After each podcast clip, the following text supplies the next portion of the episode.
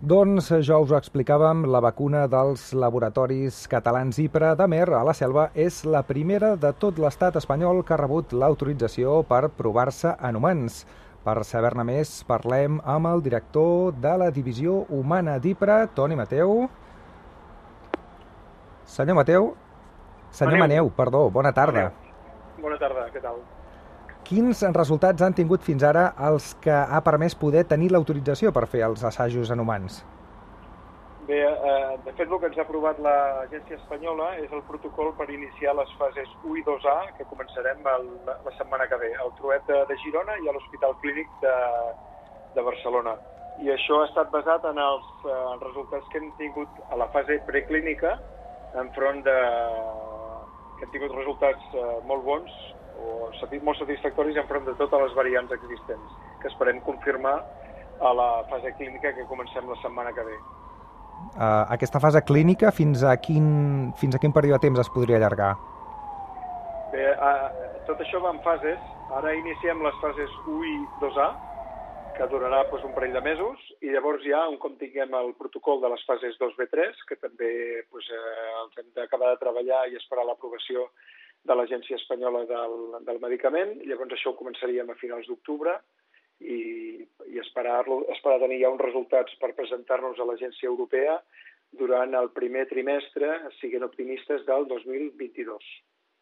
Del 2022. Llavors, eh, és possible que aquesta vacuna, eh, quan es comercialitzi aquí a Catalunya i a l'estat espanyol, eh, diguéssim que ja es compti amb un 80% de vacunats. Es, estaria destinat aquí o també seria per, per altres països? Com aniria? Eh, Bé, aquí hem de tenir en compte dos escenaris. Eh, tenim l'escenari europeu i de països amb un percentatge molt alt de, de població vacunada, amb el qual el que s'està demanant és tenir eh, vacunes de búster o de recordatori, seria l'escenari per a l'entorn europeu, espanyol i català, i llavors sí que tenim països del món que tenen un percentatge de població vacunada baixíssim, eh, inclús per sota d'un 5%. Eh, I en aquests països el que volen són eh, vacunes per fer el procés complet, és a dir, eh, dos dosis. En canvi, en l'entorn europeu estem parlant de vacunació de record, és a dir, una dosi. Uh -huh. uh, hem sabut que aquesta vacuna compta amb proteïnes de les variants alfa i beta. Uh, què vol dir tot això? Si ens ho pot explicar senzill. Eh, vol dir vàrem començar amb, la, amb una plataforma basada en la proteïna, amb la, amb la variant de Wuhan, i al cap d'uns mesos, com van aparèixer les variants noves, vàrem decidir modificar o treballar sobre una nova plataforma, perdó, eh, a fi efecte de poder eh, tenir efectivitat enfront de les variants noves. Què hem aconseguit amb això, almenys a la fase preclínica, són resultats molt satisfactoris enfront de totes les variants existents, inclosa la Índia. I això esperem confirmar-ho eh, a la fase clínica que comencem la setmana que ve.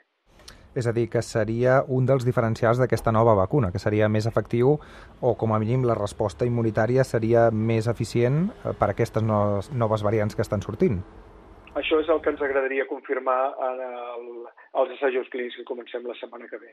Eh, de moment, amb la preclínica, els resultats són bons, tant des de la perspectiva d'efectivitat com, com de seguretat, i esperem, esperem unes, unes setmanes o mesos per poder confirmar que això també és així en humans.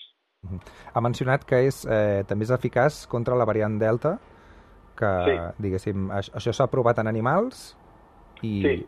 s'espera confirmar-ho en humans, és així? És així, és així. De fet, eh, vam començar amb resultats enfront de, de les, totes les variants i ens quedava pendent saber si érem eficaços enfront de la variant eh, índia i això ho vam confirmar eh, eficaços, insisteixo, a la preclínica, eh? és important Uh -huh. esmentar-ho, eh, i això, pues, eh, diguem-ne que ens permet dir que és el que estem buscant també en, quan comencem a l'ascens clínic en humans, és a dir, efectivitat enfront de totes, inclosa la Índia. D'acord. Um, en principi s'aplicarà amb injecció perquè hi ha algunes vacunes que s'està parlant que siguin amb pastilla. Com serà? De moment el que tenim planificat és amb injecció intramuscular com, com són les altres. No, de moment estem treballant en aconseguir una vacuna efectiva, efectiva i segura i eh, de moment no volem, no volem experimentar amb altres formes de- d'administració. Uh -huh. uh, ha mencionat que sortirà cap al 2022, però se sap exactament o pot acotar una mica més el període en què es uh, comercialitzarà? Bé, eh, tot dependrà de quan ens ho aprovi l'Agència Europea. Com he comentat, crec que he comentat fa un moment que era, esperàvem a primer trimestre del 2022 amb un escenari optimista i un, un escenari, diguem-ne, més realista doncs seria en el segon trimestre de 2022. Ojalà es confirmi l'optimista, però diguem-ne hem de mm. ser curosos amb, mm-hmm. amb això perquè al final estem a expenses d'aquesta aprovació, la qual, lògicament, està a expenses de que els resultats de l'assaig clínic mm -hmm. són els que esperem. Totalment. Uh, es parla que hi haurà uns 400 milions de dosis. Uh, pot confirmar aquesta capacitat de producció? Uh, la puc confirmar amb, amb, amb anys. L'any 2021 comencem la producció a l'octubre i esperem tenir durant el 2021, el que queda de 2021, entre 50 i 75 milions. L'any 2022, entre 600 i 900 milions de dosis. I l'any 2023 eh, esperem arribar a 1.200 milions de dosis. Aquesta és la nostra estimació i també val a dir que pel 2021 i 2022 ja ens hem aprovisionat per poder, eh, pues, poder subministrar el que realment estem dient. Uh -huh. I quanta gent hi està treballant actualment? Home, eh, el nostre departament d'I+D eh, pues ja hi ha dos equips destinats. Eh, el nombre de persones no, no el puc dir exactament perquè m'equivocaria. Eh? Eh, ja tenim gent al departament d'I+D amb els dos projectes que tenim, eh, gent de producció que ja està treballant pel que fa a l'escalat i la producció final, després tenim la gent de la divisió a la qual pertanyo, gent de Regulatory Affairs que ja està treballant en tot el que fa al procés, entre cometes, burocràtic de preparar tota la informació necessària per, a, per aconseguir les aprovacions dels assajos clínics i finalment de, del de la, el registre a nivell europeu. Per tant, cada vegada més gent de la companyia està destinada a treballar en aquest projecte. Mm -hmm. La gent està una mica confosa, no?, perquè diguéssim que hi ha Pfizer, hi ha Moderna, hi ha Sinovac, hi ha, hi ha molts tipus de vacunes.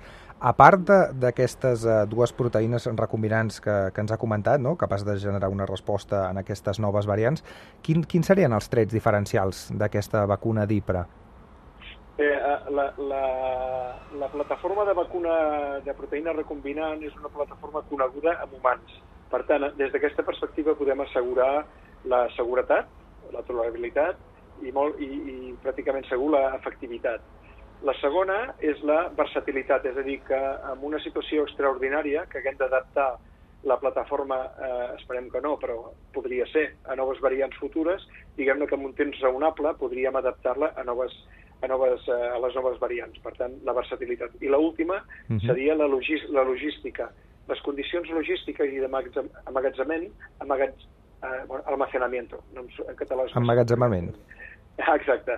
pues les condicions són entre més 2 i més 8 graus. Això mm -hmm. fa mhm. molt més senzill la logística. I també l'escalat industrial, diguem-ne que és menys complicat que amb les altres vacunes. Mm -hmm. uh, tot això condicionat, evidentment, a l'assaig amb humans. Uh, quan començarà? A quanta gent es farà? Quina franja d'edats estem parlant? Vale, a les fases 1 i 2A, que és el que tenim aprovat, eh, que el que es busca és determinar quina és la dosi adequada que asseguri, asseguri el balanç resposta immunitària de l'organisme i, eh, i seguretat.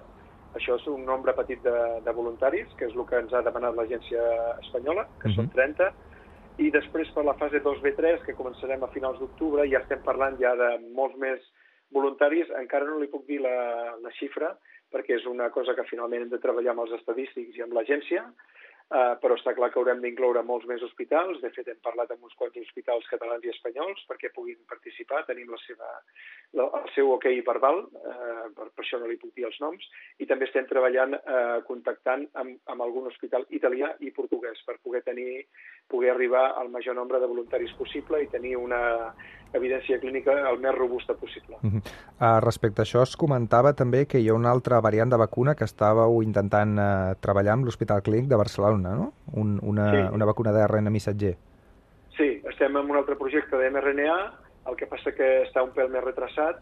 Eh, L'mRNA és un projecte eh, molt, molt interessant, no només pel Covid, sinó per moltes altres coses, futures vacunes com futurs tractaments, i per tant li donarem aquest tractament. Però ara el que tocava era mirar de portar alguna diferent i que realment aportés eh, valor i que fos un canvi també en l'enfoc, en la lluita contra la, la pandèmia.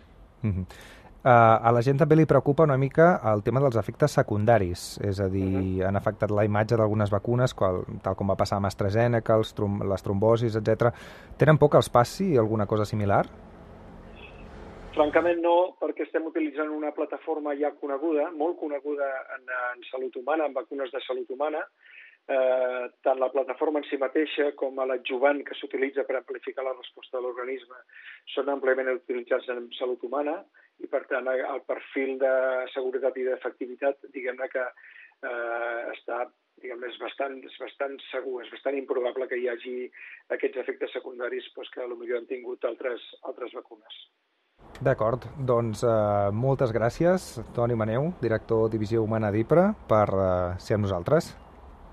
Moltes gràcies. Bona tarda. Bona tarda.